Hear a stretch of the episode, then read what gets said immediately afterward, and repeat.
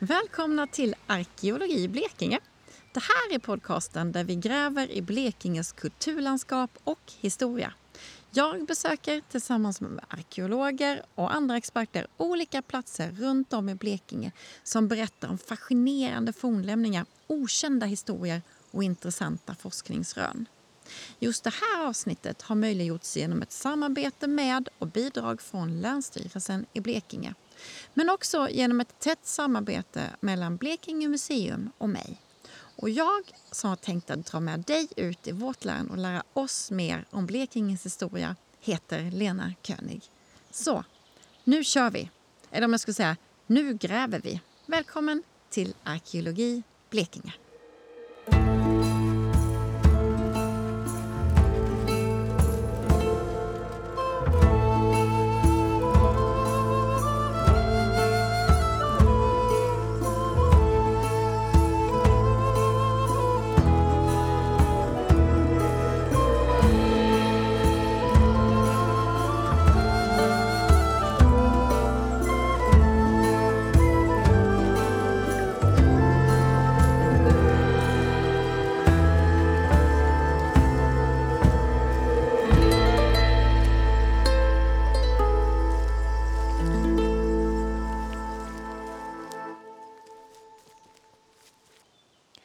En bild säger mer än tusen ord, brukar man säga.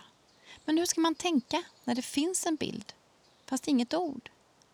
I det här avsnittet råder det en hel del filosofiska tankar och tolkningar, men även lite fakta. När jag och Ola Palmgren från Blekinge museum besöker länets största hällristningsplats. Hästhallen, eller Hossahallen som den också kallas. Forskning har visat att hällristningarna tillverkades under bronsåldern en tidsålder som får sitt namn för att människan här i norr började använda metallen brons.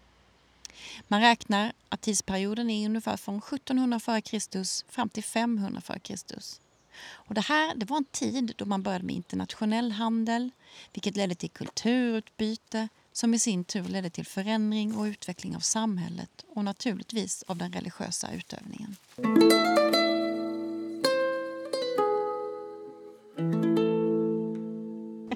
Här är skylten. Nu står Nu vi. Var är vi nu? Jag är här med Ola Palmgren i alla fall från museet. Ja, nu står vi på Torhamnslandet. Eh, på en av de ja, mest mytiska och kända platserna här. Mm. I Möckleryd. Horsahallen. Jag säger Hästhallen. Ja, det är samma. Hors. Det är ett gammalt ord för häst. Ja. Varför, varför skiljer man på namnet? Alltså varför säger, är det att de sa så förr? Ja, ja Okej. det är ju gammal Det är beteckning. gammalt. Det, Okej. det finns ju, har jag sett, även beteckning på en av hällristningarna utanför Simrishamn. Det kallas också Mm. för Horsahallen. Ja. Mm. ja. Det här är en av de väl mest besökta fornlämningarna vi har. Skulle tro det. Ja, med all rätt. Den är ju jättefin eh, och, och spännande på, på så många sätt. Eh, ligger ju ganska bra som besöksmål också, Mm. faktiskt. Och vi står uppe i parkeringen och här finns det en skylt som man kan börja läsa. Men jag tycker vi går va? Mm. Ja. Ja, super. Dikt av Harry Martinsson. Så. Där. Ja just det! Ska du läsa? Ska du läsa? Ska jag läsa in den? Ja, Det kan jag gör det. Flydda språk som göd kring offens tjurar kan vi aldrig ana eller finna. Ord som skördeväder, hagelskurar har gått bort med ord för man och kvinna. Hur lät namnet på den långa båten? Revbensbantad, avklätt tydligt ristad. Hur lät ordet mjölk? Vad hette solen?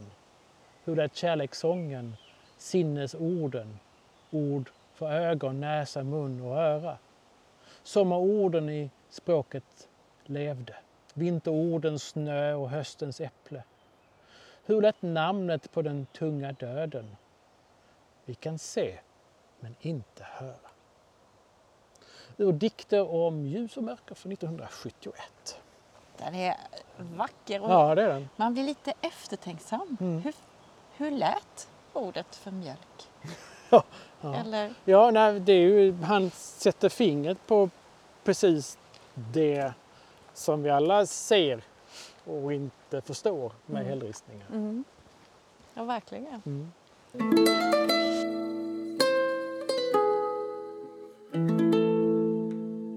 Vart är vi på väg nu då? Nu är vi på väg upp till eh, den största hällristningslokalen i, i Blekinge. Mm. Eh, genom den här fina skogen. Ja, och det som kommer möta oss här uppe är en ja, 240 hällristningar ungefär. Något i den stilen. Ja, och 200 kvadratmeter Mm. eh, berghäll. Det är... Om vi säger så här, nu går vi här och det är lite blandskog och vi kommer gå upp i en Mm. tallskog som är, håller väl en 80-90 år den där skogen tror jag Skulle snart. säkert kunna göra. Eh, så så ser det ut idag, men hur, hur såg det ut då? Då när hällristningarna var som...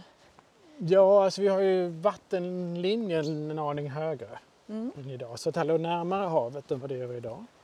Eh, Man tänker sig ofta att det är lite öppnare landskap men framförallt så är det varmare.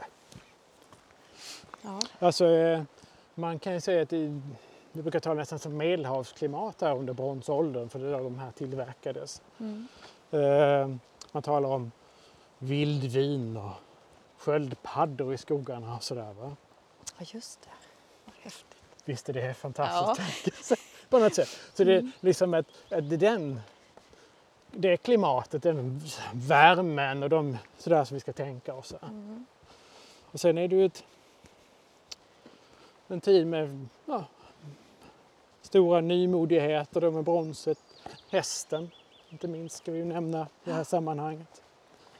Och vilken, vad, vad är det är bronsåldern, vilken tid pratar vi nu? Då pratar vi... Då är vi eh, 1500 till 500 år före Kristi födelse. Mm. Så det är en, ungefär en tusenårig period. Eh, perioden innan då, då börjar i slutet på, på stenåldern så börjar ju då kopparföremål dyka upp och då brukar man ibland kalla det för kopparåldern innan man går in i, Ja, i bronsåldern. just det. Och sen är det naturligtvis så att inte brons inte helt, det försvinner ju inte bara vi kommer in i järnåldern utan vi har ju smycken och, och sånt i brons ja, fortfarande. Mm. Mm. Ja, det kom några turister innan här. Jo, ja. Eller besökarturist. Nej, det är sant. Och jag kanske säkert. också ska säga att jag är ju faktiskt uppväxt här, bara 200 meter härifrån. Det blir lite fånigt att gå och prata om som att jag aldrig hade varit här. Jag ska säga det, jag har gått och framförallt ridit förbi på ponny så här som, som en Oh. yngre tonåring. Och varenda gång man passerar här, i vilken hastighet den har varit, så är det alltid att ögonen söker sig upp. Det är någonting med den här Mhm. platsen som gör att man... Ja, den här lilla höjden här uppe. Ja. Ja, och det där, bara vetskapen om att det finns någonting. Mm. Det är någon energi liksom. Som, Ja, ja, jag håller med. Jag Lockar. tycker det är, det är fantastiskt spännande med hällristningar. När jag skulle studera arkeologi så gjorde jag min uppsats om just hällristningar. Då. Så, då börjar vi närma oss. Här är som en liten glänta bland, bland tallarna med Ja, ett frodigt, just nu frodigt eh, blåbärsris som lyser i skogen. Jag ser, eh, färgen börjar försvinna. Så jag. Ja. Ja, det är... Och är det har naturligtvis så att de var väl sannolikt inte målade från början heller. Nej. Utan eh, teorin varierar då. Men en tanke är att när, när de är nyhuggna så syns de väldigt väl ut som ett vitt pulver av, av sten så att de är, de är inte så svåra att se. Nej. Men idag måste man fylla i dem för att besökare ska se dem och framförallt så här så det är den nästan absolut sämsta tidpunkten på dygnet att vara här mitt på dagen.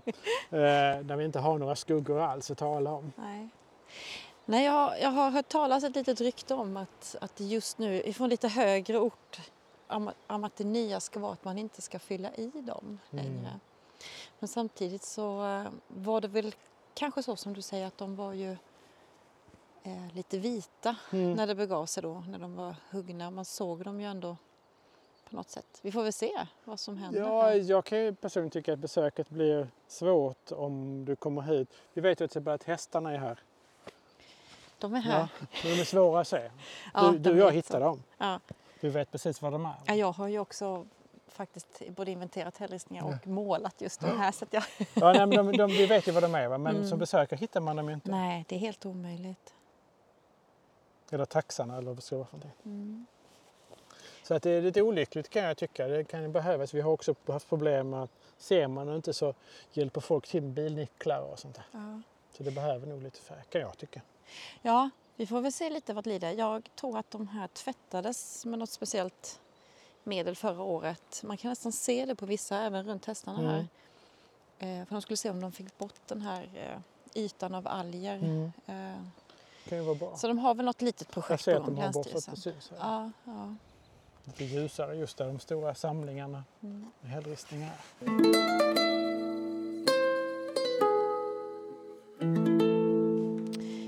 Jaha, hur angriper man det här nu då? Ja, alltså det här, är- det här är ju väldigt speciellt. Eh, Och inte så lätt på många sätt heller.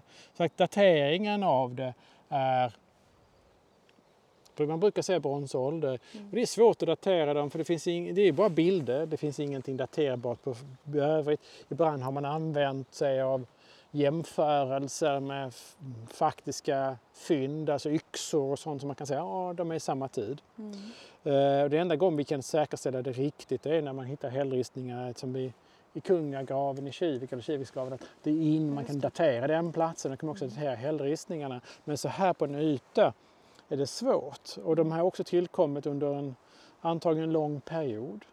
Vi vet inte hur, hur så, var, vilken av alla de här är den första ristningen? Var Kan man börjar- någonsin få Nej, reda det på kan det? man tyvärr aldrig få reda på. Det finns forskare som tittar på det här med att när man hugger över om det har någon, om man kan se vilka som är först och sist, men det är väldigt, väldigt svårt. Kanske kommer ny teknik framåt som man kanske kan Mm. Man ska inte se. utesluta det, det är, man Nej. forskar säkert på det. Ja. Men, men sagt, dateringen är, den är svår eh, att göra. Eh, och och ehm, de här bilderna som man kan se här, de går in i varann. Och det finns också en teori om att, om att när man väl har gjort ristningen så är arbetet färdigt. Det är inte bilden som är det viktiga, det är arbetet. Och därför kan man alltså vid nästa gång man är på samma plats hugga över den utan problem. Mm. För att den har inte det värdet som, som vi sätter på dem idag. Det jag också tror är ganska unikt med den här platsen det är att om man åker till västkusten till exempel så finns det en det finns en uppsida och nedsida, alltså Mm. en eh, horisont i allting. Medan här är de liksom placerade som, alltså de är både upp och ner och cirklar. Ja, och det är lite märkligt. Eh, till, jämför man då, precis som med, med Tanum eller med, med Gärestadristningen i Skåne, så har man alla fartyg åt samma håll utom ett på Mm. Som är upp och ner från de andra. Men här är allting huller om buller. Och jag, man, jag tänker mig så här att generellt sett skulle jag vilja sitta här nere, vänd upp för sluttningen så att säga och göra mina ristningar. Eh, här verkar som man där, har de- där måste de ha gjort upp och ner. Alltså, eller Ja, det som är ditt upp och ner. Ja, nej, men det har man ju Ja, lutat sig neråt eller suttit och gjort den upp och ner så att säga. Va? Och det känns lite, lite konstigt. Ja. För det naturliga är att sätta sig här och göra Men det. frågan är då om de här hällristningarna har ett fokus som inte är bara på platsen utan på det omgivande landskapet runt den. Solens. Solen går till exempel upp Mm. Bakom dig, Ja, ner för slänten och iväg. och då vänder de sig dit. Ja, då har man suttit Mm. kanske. Det är ju... Nej, det här är inte, det är inte Nej, lätt. det, det, och det är det, kanske det som gör de här spännande också. Liksom att det är, kan, alltså fri tolkning kan man säga, men, men alltså det är inte det är inte hugget i sten eh, vad det betyder. Eh, men det, det är inte självklart skulle jag säga. Va? Utan alla har rätt till sin tolkning på något sätt.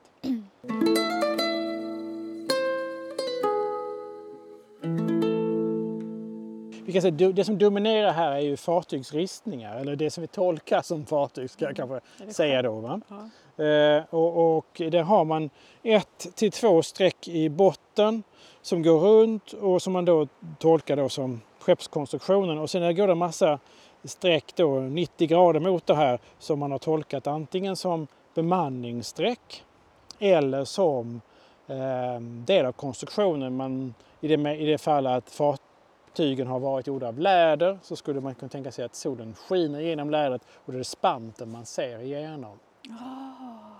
Det är en annan tolkning. Men Just ofta hör man ju att det, det är bemanningsstreck. Mm, bemanningsstreck, ja. Mm. Och där, där finns det då en som en linje bara och här borta har vi en dubbel linje med en tydlig eh, för som sticker upp här. Och de här som vi tittar på här nu i ena hörnan då, de är ju kanske de mest kända då. Här är ett sammelsurium av skeppsristningar, skålgropar och annat. Sen är det då eh, den här stora ristningen, den är väl en, vad kan det vara, en knapp meter Just det, det är ett skepp. med ett skepp. Mm. Ja. Och tittar man på fören så ser det ut som ett, ett huvud nästan. Mm. Och en, en cirkel i, i andra cirkel i änden. ena och ett djurhuvud i den andra. Och sen står det en stor figur i mitten med fingrarna spretandes upp. Varav en skålgrop det. Ja precis, ett av fingrarna slutar i en skål. Erierad penis. Precis. Eh, och, och där har man ju också diskuterat om det är så solguden och sådär. Och de här skålgroparna eller ringarna diskuterar man om ofta om det inte är solen i sig. Va? Eh, och då skulle det här, i och med att det här skeppet då har den här ringen på sig, att det ska vara det som skeppet som solen då reser på Mm. Mm. eh, på natten när det vilar sig. Och så åker det från väster tillbaka till öster och går upp igen. Skyddad av Just det. solguden. Det finns ju en, en forskare som heter Fleming Kaul Mm. som har studerat eh, rak, kniv, heter, rakkniv. Heter det, va? Mm. Rakkniv. Det är ju rakknivsristningarna. ja. Precis. Eh, I Danmark. Där då alla de här skeppen finns och så ett visst antal olika djur. Jag tror att det är... Eh, om man tänker på morgonen så börjar det med fågeln som Mm. drar skeppet upp. Och sen... Nej, fisken pressar upp det till ytan, eh, solen. Så tar fågeln den, flyger, tror jag, hela vägen upp ungefär till lunch där hästen tar över Mm. och sen så drar den hästen det här solskeppet. och sen på eftermiddagen så tar, då tar ormen först över, lämnar över till fågeln som landar ner det där fisken sen tar det och puttar det under jorden då, eller Ja. alltså under marken ja. upp igen. Eh, Ja, det är en fantastisk teori. det är så man har tolkat det och att det Ja. är, eller han, Ja. ska jag säga. Han väger in ganska många olika saker i den där berättelsen. Ja, Men, men det, eh, de flesta mm, forskare idag är väl ändå överens om att cirkeln och ringen det skulle vara solen. mm. Eh, Och jämför man då med eh, andra kulturer, eh, exempelvis den egyptiska, så har vi både solskivan och solguden, Amon och Aton exempelvis. Mm. Så att det, det, det finns eh, ska jämförande företeelser på andra, även om vi inte ska dra den jämförelsen för långt. Va? Nej. Ja, solen verkar ha varit viktig. Mm. Det finns en massa eh, fot. Det finns nog en fot här där vi står. Ett Mm. avtryck. Eh, sen finns det en hel radda längre bort där och Så jag har en gång för många herrans år sedan eh, kollat lite närmare på det. Mm. Eh, och det är ju så att alla är, alla är vända åt, åt öster, åt, åt soluppgången som står Mm. här. Alla fötterna står mot där solen går upp. Ja, jo, det, det stämmer nog och de flesta har den oftast tolkat som någon form av representation av solguden där man inte kan eller Mm. ska eller mm, göra andra representationer utan det blir fotavtrycket som, Mm. som är det. Men hur ska, Mm. man, hur ska man tänka när man... Eller ja... Ja, alltså lite som en sagobok där man kan bort sagan. Vi har bara teckningarna kvar. Mm. Och, och de eh, dessutom har blivit kringströdda på något sätt. Va? Och vi vet inte heller de inbördes betydelserna mellan. För att det kan ju vara så här att det faktiskt inte är en berättelse. Alltså varje bild för sig. Utan de kan till och med hänga ihop i, i, i större berättelser. Va? Där man säger den bilden och den bilden berättar den berättelsen. Men eftersom inte berättelserna finns kvar så är det bara bilderna. Och, och då, ja, då får vi ju göra så gott vi kan. Men vi kommer aldrig att nå fram. Nej. Eh, I, eh, jag tror det är uppe i Sibirien så har man ju eh, länge hållit på med ristningar och bilder på stenar. Eh, och shamanerna där, även idag, de kan ju tolka då bilder som är väldigt, väldigt gamla. För de har berättelserna Just bevarade. det, just det. Men det har inte vi. Det har inte vi nu.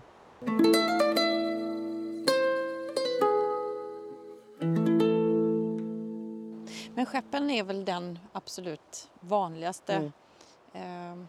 eh, ristningen eh, som från bronsålder. Så Ja. det måste ha haft en stor Det är betydelse. stor betydelse. Ja. Det- Dels solskeppet har man diskuterat men, men går du till ett gravfält från bronsåldern och så hittar man ju också skeppen där. Va? Alltså att det, kan, det kanske inte bara är eh, gudarna som färdas i skepp utan även jag när jag färdas till den andra sidan och åker i ett skepp. Mm. Så Och det var blir- då de också började fara lite längre va?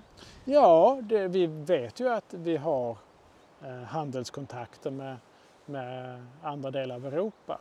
Eh, salt och annat som, som når oss. Eh, sen är det klart att om det nu är eh, fartyg i, i skinn så är det klart att det är huvudsakligen kustnära får man väl anta att man inte ger sig tvärs över Östersjön men man kan ge sig den skånska kusten och så komma bort där och så vidare. Mm. Så att absolut, det har stor betydelse ehm, att man kan resa. Vi är ju nu, inte, inte mitt på Torhamnshalvön fast centrerat lite någon två tredjedelar ner eller så. Här finns ju fler hälsningsplatser. Vi har Ja, uppe, här finns ganska många. ja, vi är sex stycken eller Mm. något sammanlagt. Hur kommer det sig, vad tror man om det, att det är så många hälsningsplatser? Det har vi Just här. oftast eh, tolkningen att det har att göra med att man faktiskt har möjligheten. Mm. Att det är hällarna i, i dagen här som gör att den, den finns här just. Ehm, för det, det är en förutsättning att man har de här hyfsat släta hällarna. Ehm, och det har man exempelvis inte i Danmark. Där har du inte hällristningar på, på hällar utan det har de oftast på stenar. Alltså lösa klippblock Ja, ja, eller ja. stenblock som ligger ute i, i naturen. Eh, där man hittar hällristningar för de saknar de här. Och det har vi ju i Sverige också naturligtvis, den typen av hällristningar. Då. Men, men ofta skålgropar så kan det vara på, på stenblock. Men eh, här har man ju fina ytor, släta, relativt släta ytor att knacka in sina bilder på. Ja, och ändå har de valt, bara, det är vissa ytor som är helt belamrade och sen är det tomt emellan. Ja, Eh, eh, så ser det ut just nu i alla fall. Man kan eventuellt med modern teknik hitta eh, försök eller påbörjade ristningar eller knackningar om man ska säga, mm. som, som inte är färdiga. För det är ju, just när det gäller tekniken här så kan man ju säga att eh, det är ju inte ristat. Nej, Det är ju Precis. knackat in och det kan man se på de här till små, små prickar. Eh, där man suttit och, och envetet knackat in bilden. vad var det för, vad använder man sig av för, Andra sten. stenar. Vad är det som var så hårt? Liksom, så att det, eller det är bara annan granit? Eller? annan hård sten. Ja, precis. nu har vi den här, eh, eh, är ju ganska hård, men det finns ju ännu hårdare stenar som man och sen har jag gått till tusen man bytt. Det finns undersökningar på någon hällristningsplats där man letade i, alltså i slänten nedanför Mm. för att se om man kunde hitta daterbara föremål. Och man hittade oftast någon eldstad och så som har förekommit och en och annan sten som man tolkar har varit med om själva inknackningen av, av bilderna. Men hur kommer det sig att man inte har gjort, man har inte gjort några sådana försök någonstans i Blekinge? Va? Jag tror inte det är undersökt här. Nej. Nej. Ja, man vill så det är det inte bara att köra på? Mm, bara, bara. Det, det går naturligtvis att att söka tillstånd och, och, och, och göra det. ehm, om man tycker att man har resurserna till det. Mm. Eh, sen ska man nog eh, kanske inte sätta allt för stor förhoppning att verkligen hitta något. Eh, för att även, jag vet man öppnade upp, jag tror var i Gärres där man öppnade upp en yta men man dök ingenting upp där. Nej, och här har det planterats om, alltså det har ju satts träd och det har ju Mm. varit annorlunda. Men det händer att man att hittar någon sten och mm, eldstäder och sånt där. Så det har varit någon, det är kanske en del av ritualen.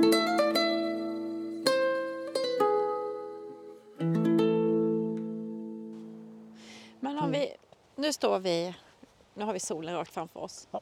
Nu är det söder är väl dit kanske? Någon Ditåt. på dagen, ja det borde vara. Mm. Mm. Jag har, jag har studerat kartan noga. Mhm. Så om man står på den här och, och tittar eh, ditåt, vilket, alltså, det är nästan Mm. sydväst tror jag. Då är man rakt så att man kan se det som heter Gisslevik. Det är en stor sandstrand Mm. som finns. Ehm, och den, Den bör man ha kunnat se härifrån. Eh, Men Gissleviksstranden fanns inte på bronsåldern. nej, nej, alltså det, det var högre upp. Eh, Högre. Ja. Vattnet alltså. Mm. Mm. Men det var ändå bara 2,5 till 3 meter tror jag. Ja, det var Så- inte så. Det är skillnad här i södra Sverige jämfört Mm. med mellan Sverige och Mm. uppåt. Det är enorma skillnader från bronsåldern. Här är det ju bara ett par, tre meter. Så att om man står här så skulle man ändå kunna tänka sig att man faktiskt har sett hela den östra skärgården Mm. härifrån.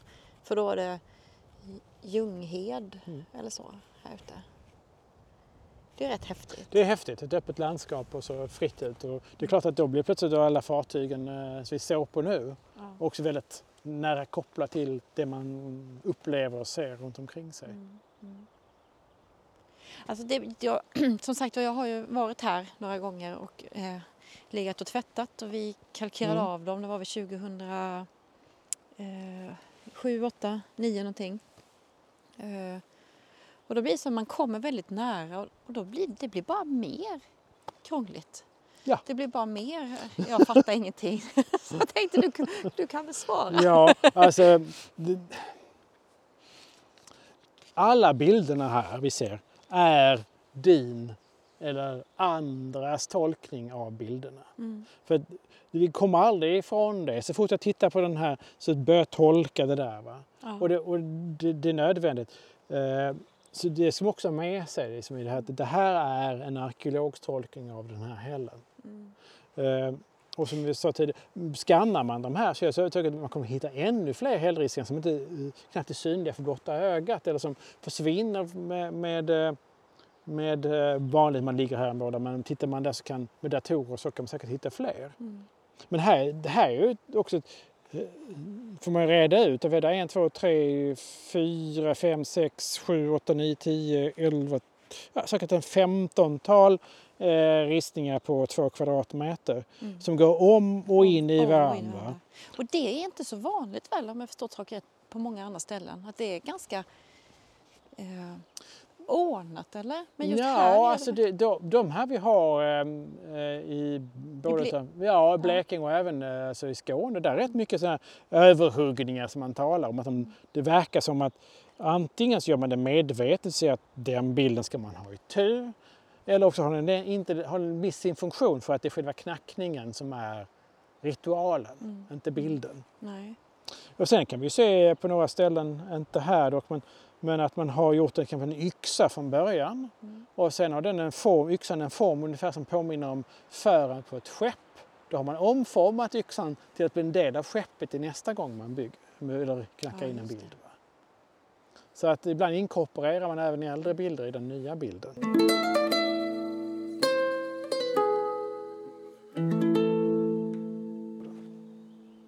Ja, att stå Mm. här och försöka tolka detta också. Man tar med sig hela sitt liv och alla historier man har läst, hört och lärt sig Mm. tar man på något vis med sig in i en tolkning som är gjord långt innan alla de berättelserna Mm. fanns. Sen är det väldigt lätt när man kommer så här, det står en skylt ute vid parkeringen, det står en skylt här och så kommer man upp och så är man på bara den här platsen och så går man omkring och tittar, oj vad fina och det är ett skepp och där är en gubbe och där är en häst. Mm. Eh, Men om man skulle höja blicken lite då och tänka att den här fanns i någon annan slags kontext. Vi har, ska vi se, sydost om oss. En Mm. hel, när vi inventerade har vi en hel radda, alltså som ett rakt streck genom skogen med stenblock med skålgropar. Vänder vi oss om åt väster så finns det en stensättning, alltså någon liten grav. Och där finns det Mm. också ett par skålgropar. Längre bort, nästan hemma där jag är uppväxt, där finns en jättestor sten som heter Fläskosastenen. Jättemånga skålgropar, stora. Ah. Och sen går det upp en höjd och där hittade vi 2000 någonting den här hjorten. Just det. Eller behornade hästar. Eller behornade häst. Jag vill, jag vill säga hjort. Jag tycker det låter... Så att det är Ja. ju, det är ju väldigt, Nej, det, det- det- finns ju så Precis, mycket det är en annat. del i ett landskap. Mm. Den, är inte, den är inte ett, eh, utkastad i rymden bara på något Nej, sätt. men det är så lätt att man samman. är bara här och nu. Mm. Eh, Och det är naturligtvis för att gå, man kan naturligtvis lägga upp de här stenarna men det är ja, skålgropar. Ja, det är ju spännande på ett sätt men det ger inte lika mycket som de här hällbilderna gör. nej. Men har de en sam- finns det en samtid så är det ganska häftigt. Mm. För det, eh, det finns fler skolgropar lite längre eh, sydväst och sen finns Mm. det rakt norrut också. Eh, och då, det blir som att det här är som ett heligt... Det är det alldeles är säkert. Jag är övertygad om att det här är en del av ett, ett sånt eh, rituellt landskap. Mm. Ehm, och skålgroparna, som det är de allra äldsta formerna vi har, den går in i stenålder. Alltså. Mm. Eh, Och även, det finns en del eh, ska vi säga, spiralformer som också man kan, olika dateringar, bland annat från Irland, har kunnat hänvisa till, till eh, stenålder. Mm. Eh, Så att det fanns när den här eh, första skeppen rissades in, då kanske redan fanns skålgropar på platsen. Mm. Eh, Och skålgropar på stenar runt omkring. Det är där man börjar kanske. Men hur mycket Mm. av de här bilderna...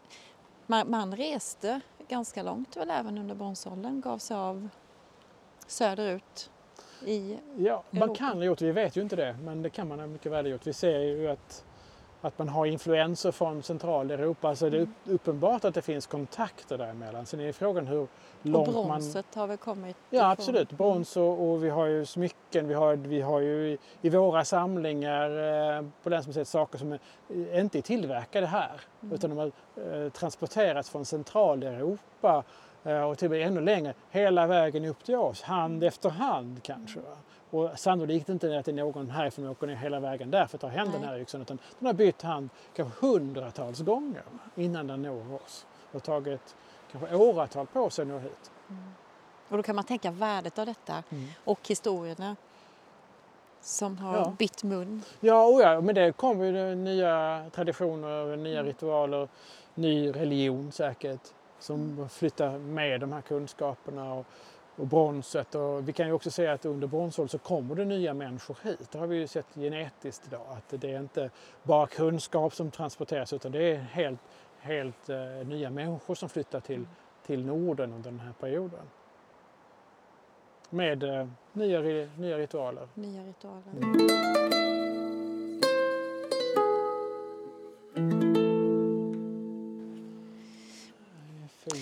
Alltså, Man kan ju också säga så att den som skulle vilja komma hit och försöka, om de nu inte är imålade och det kommer de inte vara den här sommaren. ehm, då kan man gå hit när det börjar bli kväll, ja. lite mörker och ta med sig en ficklampa. Mm. Det är en av de häftigaste upplevelserna man kan göra, att snedbelysa. Då kommer det komma fram saker man absolut inte kan se. ja, det är Mitt på fantastiskt dagen, i, ja. i um, sån här sned belysning. Mm. Och det, Och ju, det finns i, väl tankar att de faktiskt har haft, kunnat haft eldar Ja. också. Eh, och då när det har fladdrat så har bilderna liksom rört sig och sådär. Men det är vad vi tror. Ja, jo, vi, vi, och det är ju så här med sådana bilder. Man får, alltså det, vi har bara bilderna och ingenting annat i stort sett. Man får tillåta sig att spekulera Mm. lite. Det som är svårt med hällristningar det är att i princip kan man säga allas tolkningar egentligen är lika värda på ett Mm. sätt. Mm. Alltså det finns, man kan inte säga nej men du har fel. Det, det är inte ett skepp, det är ett... Eller det är inte en man på en häst för det är någonting annat. Ja men det är min tolkning. Jag Mm. ser en man på en häst, du ser ett skepp. Ja, ja, alltså så. Mm. så därför, och det gör ju att vi är inne i, i en zon i arkeologin där man kan ibland uppleva att det är fritt fram. Eh, och det gör det svårt ibland att rodda med alla de här olika teorierna. Vissa av dem är väldigt välgrundade och, eftertänksamma, andra är bara helt blindgalna. Mm. Och det fanns ju en, för inte så länge sedan en, en teori om att alla de här olika skålgroparna ni ser egentligen hör ihop och bildar stjärntecken. Ja. Och det är ju helt perfekt. Som jag pratade med någon arkeolog sen, ja alltså grejen för man, du vet, gruppen här hela säger det är kanske skålgropar. Mm. Och ska man binda ihop dem, så ja, så, om jag tar, slänger ut 50 glaskulor på golvet här så kan jag binda ihop dem till vilket stjärntecken du vill. va? Så att ja, det, det, den typen av teorier och tankar blir väldigt lätt när det inte finns en, en sån tydlig eller stark arkeologisk position om det här är en sån, det här är en sån, det var det här. Utan här, är- det är ju bilder och, och vi vet egentligen inte så mycket om dem. Nej, men vad, är, vad är det viktiga då egentligen som hällristningar? Vi kan se att de ofta så har de det finns det skepp, det finns cirklar, det finns djur och människor. Mm. Det är deras bildvärld i, i mångt och mycket. Men Mm. Det enda vi inte kan ana att man skiljer det är möjligen hur man bor. Vi har inga hus, Det finns inga hus. eh, vad jag vet. Men, eh, men i annat så, så är deras värld i så sätt skildrad här på ett eller annat sätt. Mm. Men som sagt, eh, det kanske är så att, att det här är speciella bilder. Det är en berättelse. Det är en, en speciell och det kan man se att det är speciella berättelser. Vissa ristningar återkommer. Som den här till exempel. Beskriv Om vi sätter oss här nu i kanten här längst ut så ser man ett, ett skepp här med dubbelskrov och sen så är det massvis av sådana här bemanningslinjer som vi brukar tala om. Och sen längst fram så är det en person som står och med ett långt, långt, långt streck som är lika långt som skeppet. Och det är delad, är mitt i änden där. Och det man tolkar som en orm Mm. som en, någon håller. Och det är just den här bilden med ett skepp med någon som håller en orm eh, återkommer. Mm. Så det är uppenbarligen en berättelse som folk, ah, det är den. Just det. Ja, så om vi, om, vi eh, jag menar, om jag skulle beskriva en, en, ehm, en flicka med flätor som håller upp en häst. Va? Mm. skulle de flesta av oss säga, är Pippi Långstrump. Va? Ja, Ja. just det. Det är den berättelsen. Ja. Och det är kanske samma här. Att för folk på bronsåldern var den. Ah, det är den. Ja, just det. Och, den. och den berättade farfar igår kväll. Mm. Den känner jag igen. Eller den där med Gud och den som hänger nedanför och under där. är också kanske en, en stark välkänd berättelse som fanns över hela Norden.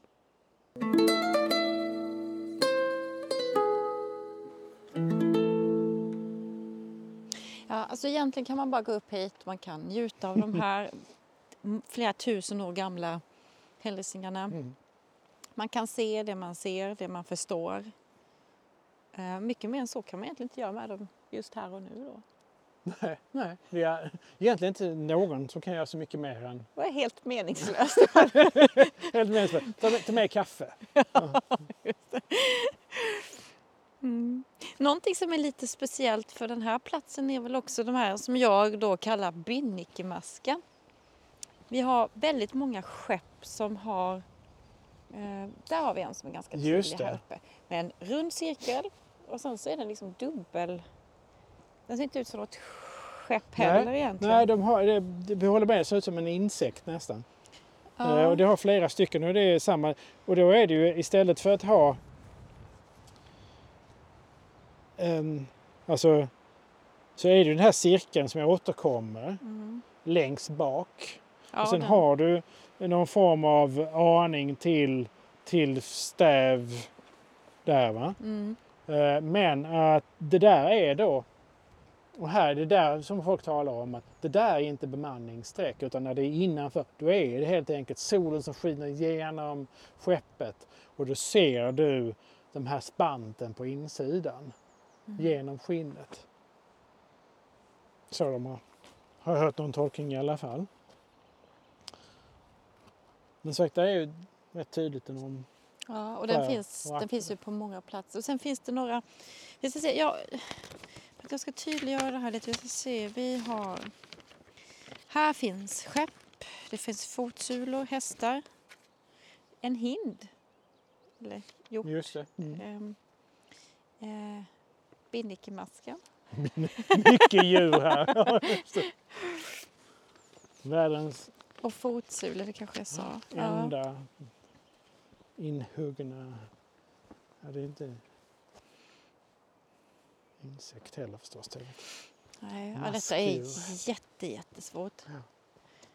Och sen var det faktiskt här nere, ja, de här fina, som, det ligger några, eh, precis när man kommer upp eh, på hällen och går direkt liksom vänster rakt ner mot skogen så. Här finns några små. Och på 80-talet då var det då var det täckt väldigt högt upp gick jorden här. Och då fick jag och min kompis Ingela för oss, som också bodde här Mm. uppe, vi var grannar då. Vi fick för oss att vi skulle se vad vi kunde hitta några fler. Nu hade man redan hittat dem, de var ju imålade men de var... så att Ja. här kändes det som att här fick vi fram dem. Men de här är väldigt fina. Ja, det är de. Mm. Fina former och så. Ja, de ser inte riktigt ut som, som de andra. Riktigt. Alltså de ser lite mer feminina ut. Vad ska jag säga? Mm, eh, Slankare. Ja, nej, de precis, de har ett, en linje allihop Mm. och sen är det bemanningssträck upp och så är det en som eh, där till vänster som inte, som inte riktigt hunnit bli färdig på något sätt Mm. innan man...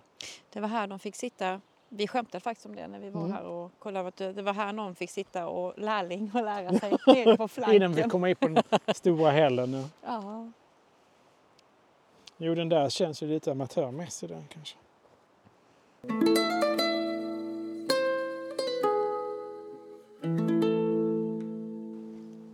ja, man ska vara lite försiktig när man Mm. kommer hit också. Att man inte ska gå på dem. Men som sagt, vi har hästhallen i Torhamn. Vi har i Svanhalla. Svanhalla, ja. Eh, där finns en stor. Och så Fyrska klippan i eh, Bredäng heter det så. Vi har Bussevik. Just det. Eh, de är ganska nya. Och jag, det var jag, jag, jag höll faktiskt ett föredrag här i, i Möcklerygården. Här i Möckleryd. Mm. Eh, när vi hade gjort den här inventeringen. Och då kom det fram en man till mig efteråt så sa han "Åh, Har du sett skeppen i Bussevik? Vad sa du, sa du? Säger jag då. Ja, skeppen där, hällristningarna. Det finns inga. Jo då. Jag och min syster, på 50-talet målade vi dem med krita. Oj. Men du måste skoja, så jag. Ja, kom ska jag, jag kan visa dig. Kom imorgon. Och jag kunde knappt sova. Hörde av mig till Sven-Gunnar Broström, liksom. han som har inventerat, hjälpt oss här i Blekinge bland annat. Ehm, och sen åkte jag dit och kom sent på eftermiddagen. Och var helt, det var innan man kunde liksom inte fota. Jag fick fota med kamera och hem och ladda in, in i datorn. Så jag snedbelyste dem. Och det var ju liksom bara what? Ja, men då hade de hade ju berättat det. Folk visste väl för Ja. att det var något va? Men just de hade målat i dem då med krita där på 50-talet Ja. så var det ingen som visste om dem. Alltså Mm. förutom dem. Nej, de tycker alla vet ju. Alla vet ju i byn. Mm. Ja. Eh, så att det, och det har ju gjort att, att hela... Nu, det, nu är det inte bara centralt och österut som de, utan de ligger även på västra sidan. Det Ja. kan ju finnas hur mycket Ja, men helst. inventeringarna är ju jätteviktiga. Mm. Och han är fantastisk på att hitta nya hederisningslokaler och hitta nya. Så det är ju fantastiskt bra. Men framförallt att, att Mm. lokalbefolkningen, de som vet, vet man om att det finns. Eh, nu ligger ju de till exempel på en privat tomt och får inte beträdas så då, då är det ju så. Mm.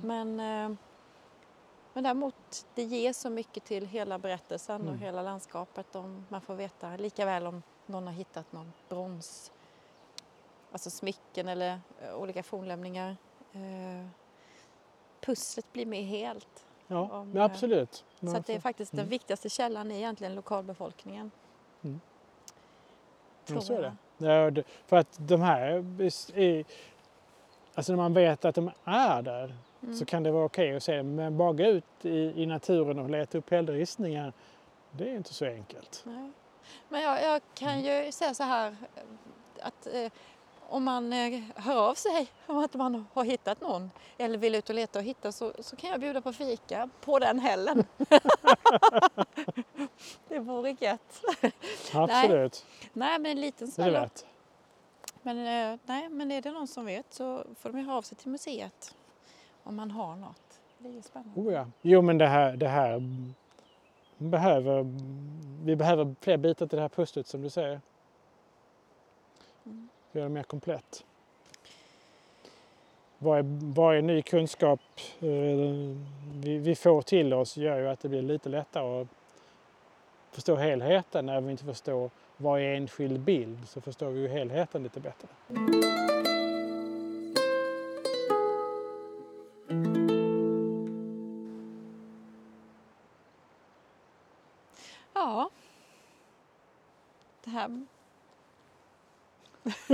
Vad ska vi säga nu? Vad säger vi? Jag vet inte. Jag tycker detta, det här är faktiskt det svåraste. Ja det är det. Ja. Och vi vet ingenting om vad de kallade sina hälsningar eller ingenting om vilka som var här. Vilka som satt här. Nej, men ordet Nej. för mjölk. Ordet för mjölk. Det vet vi inte. Tack Ola. Tack Lena. där är min pinnikemask. Ja, vad ska man säga om dem? Jo, men den ser verkligen ut den här. Så. Mm. Ja, rolig. Det är kanske fartyg eller skepp som puttar solen liksom. Mm. Putt! Nu ska du upp! För där är ju en, där är, den Mm. är ju verkligen är eh, bara bara, en, bara en liksom. Mm. Men det ser man att man börjar med ring, så det är uppenbart. Jag tror att det där är soltecken igen. Att det, man, ja. det är viktigt man ska börja med. Men det är en annan variant av solskepp jämfört med de där nere där det ligger liksom lite högre upp. Då gör man ringen där kanske. Ja, precis. På. Då gör man precis i slutet så man pustar för att sig efter.